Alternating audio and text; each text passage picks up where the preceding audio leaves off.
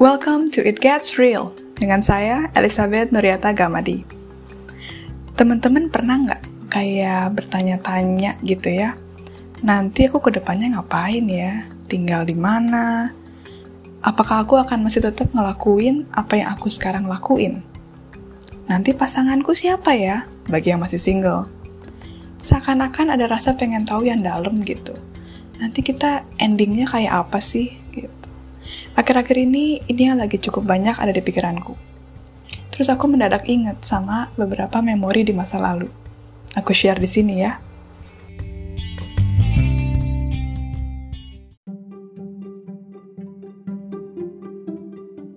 Jadi kembali ke kisah waktu aku di Australia, aku sempat ngedapetin kesempatan untuk kerja di panti jompo. Kerjaan ini sungguh-sungguh jawaban doa gitu. Karena seperti yang aku udah sharingin sebelumnya, cari kerjaan itu sulit banget buatku waktu itu. Aku kerja di panti jompo sebagai title kerennya itu Recreational Activity Officer. Ya, singkatnya itu orang yang bikinin aktivitas buat para residents atau si orang-orang jompo ini. Jadi ya ajakin main game, ajakin nyanyi-nyanyi, nari, main bingo gitu ya, terus ajakin mereka pergi-pergi. Terus yang apa visit ke kamar mereka masing-masing, ajak ngobrol, gitu-gitu deh. Kayaknya kerjaannya seru ya, nggak terlalu susah gitu. Bener sih, kalau dibandingin kerjaan nurse atau perawat, kerjaanku itu jauh-jauh lebih ringan. Tapi bukan berarti nggak ada tantangan ya. Nah, para residents ini atau oma opa ini yang tinggal di situ rata-rata usianya cukup bervariasi, tapi udah cukup lumayan tua gitu. Saat itu yang tertua umurnya 102. Tapi rata-rata pada umur 80-90-an. Mereka ada yang masih cukup sehat, tapi cukup banyak juga yang udah mengalami penurunan secara fisik maupun kognisi. Jadi banyak yang ngalamin demensia. Jadi yang paling kelihatan itu mereka udah um, kehilangan memori gitu. Mereka bukan cuma lupa sama aktivitas yang mereka barusan kerjain, tapi mereka ya udah lupa sama anggota keluarga sendiri atau bahkan lupa sama siapa diri mereka gitu. Nah, berhubung job deskku ini melibatkan banyak interaksi sama mereka, jadi banyak deh cerita-cerita.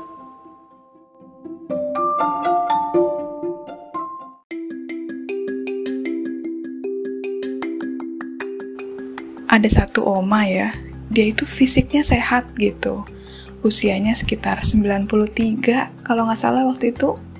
Tapi dia itu sukanya beberes barang-barang. Hampir semua barang itu dirapihin sama dia. Jadi misalnya aku mau bikin suatu aktivitas gitu, aku kan kayak suka ngaturin kursi, jadi kayak bentuk lingkaran lah atau bentuk U. Terus aku palingan pergi sebentar mau ambil minum. Aku balik-balik, eh tuh kursi udah balik ke bentuk semula dong. Si Oma yang ngeberesin. Aku pikir si Oma ini kalau jalan kayaknya cukup lambat, tapi kalau beberes kursi cepet bener.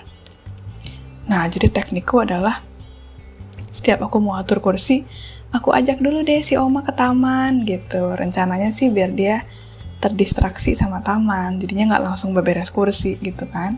And it works gitu. Tapi dong ternyata di taman dia nyabutin bunga-bunga. Apalagi nih bunga-bunga yang ditanam sama oma opa yang lain gitu kan ya mawar lah yang bunga-bunga fancy. Dia cabutin dia pikir itu bunga liar. Karena kan penglihatannya juga udah mulai menurun gitu. Bukan cuman itu dia pernah juga nyambutin selang air colokan listrik gitu kan ya. Waduh terus semua kan jadi heboh gitu.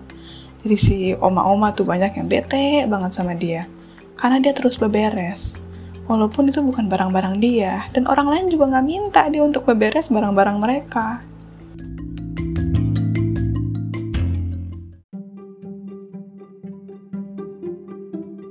Si Oma ini juga paling hobi ngeberesin sampah orang-orang lain. Ya, bekas koran lah, bungkus permen, tisu. Dia tuh yang pungutin, terus dia buang-buangin. Aku udah sering kali ngomong, Oma itu aku aja, Oma nggak usah beresin. Tapi yang aku perhatiin, Oma ini sering tuh ngejadiin masalahnya orang lain menjadi masalahnya dia. Jadinya dia sangat sibuk dengan masalah orang-orang lain ini. Padahal itu bukan tanggung jawabnya dia. sekalinya dia yang butuh pertolongan, dia sulit banget untuk menerima pertolongan. Jadi sebisanya dia akan lakuin semuanya sendiri. Bahkan ketika dia sebetulnya ya kesulitan gitu ya atau nggak mampu, tapi dia terus ngeyel kalau dia nggak mau dibantu. Setiap aku ngelihat oma ini, aku terus bertanya-tanya sih. Dulu dia waktu mudanya gimana ya? Dia kerja apa? Apakah emang udah begini dari dulu ya?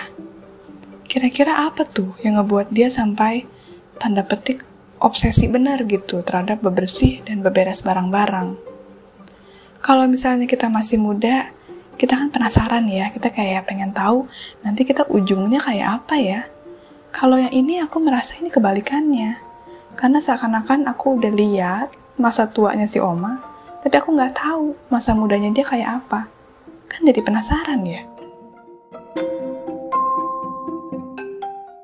Nah, setelah banyak ngobrol sama keluarganya, ternyata mulai kebuka tuh satu persatu.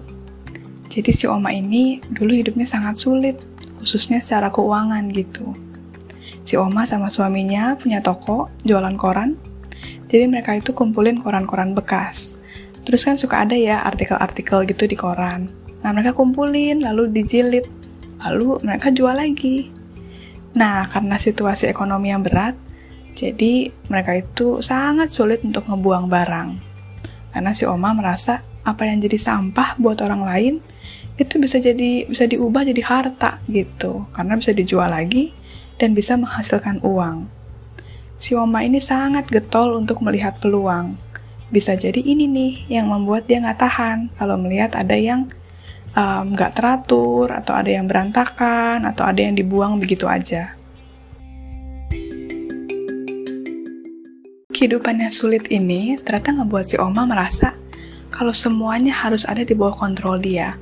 Itu yang membuat dia sangat sibuk jadinya, karena semua-muanya harus dia yang kerjain. Dia sangat sulit mempercayakan orang lain untuk ngebantu dia. Jadi seakan-akan ada dorongan yang kuat banget untuk selalu bisa fix things, ngebenerin atau ngeberesin sesuatu yang bisa jadi sebetulnya itu bukan tanggung jawabnya dia dan di luar kapasitasnya dia.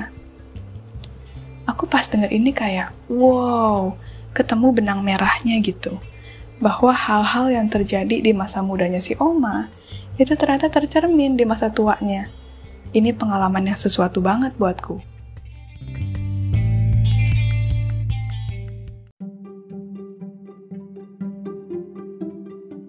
Nah, ada lagi. Dia seorang opa-opa.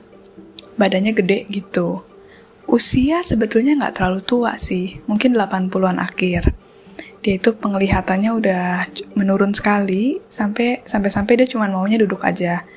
Karena kalau jalan dia kayaknya akan kesulitan buat melihat gitu. Si opa ini terkenalnya cukup galak, ketus, dan agak bosi. Jadi cukup suka ngatur. Sekalinya marah, kata-katanya tuh tajam dan suka merendahkan orang gitu. Jadi dia sangat sering komplain, suka marah-marah. Tapi bukan cuma itu, dia cukup manipulatif ternyata. Dia itu suka ngadu antara sesama orang jompo gitu ya, atau bahkan antara staff dengan pihak keluarga yang bersangkutan. Yang membuat orang-orang jadi berantem endingnya.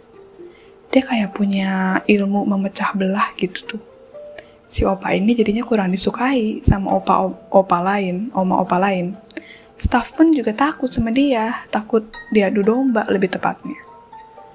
Aku pun mikir juga ya, apa ya yang ngebuat opa ini begitu pahit dan negatif gitu.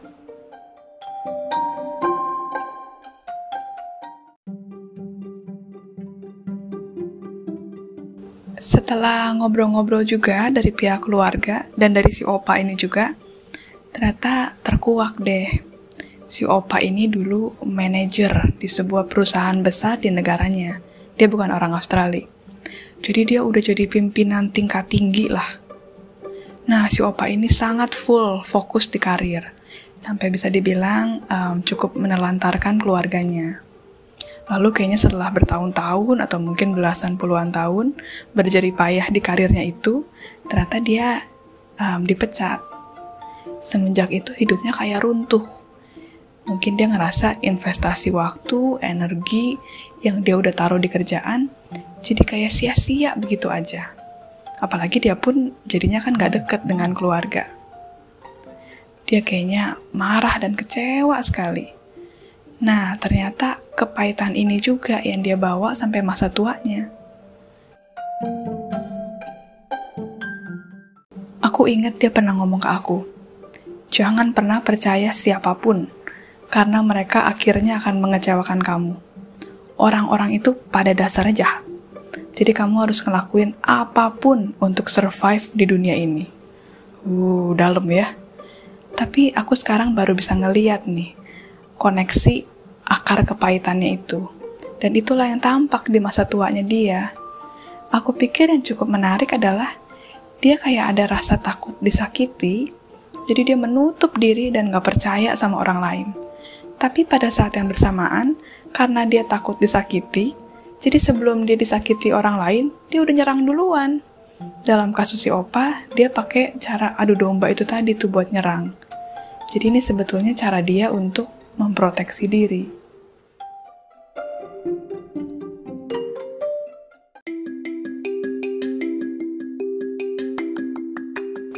Teman-teman mungkin bingung ya, tujuan aku sharing ini sebetulnya apa sih?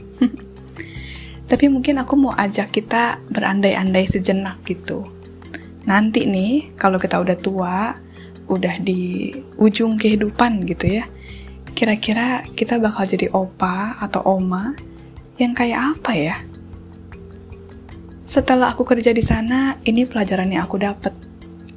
Kalau ternyata apa yang kita lakuin sekarang, gimana kita ngejalanin hidup sekarang, itu ternyata punya dampak di masa tua kita nanti jadi hal-hal yang kita pegang erat sekarang gitu ya, apa pun itu sih mau mau jabatan, gelar, um, saldo di bank, mungkin pengalaman-pengalaman, fame buat orang-orang yang eksis di sosmed, security dalam bentuk apa pun itu, mereka akan punya arti nggak ya di masa tua kita nanti?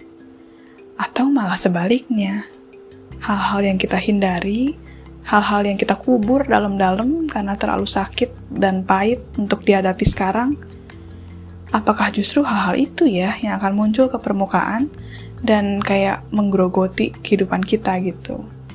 Semoga ini bisa jadi refleksi buat kita semua, buat aku juga khususnya. Thank you buat teman-teman yang udah ngedengerin. Sampai nanti di episode berikutnya. See you soon!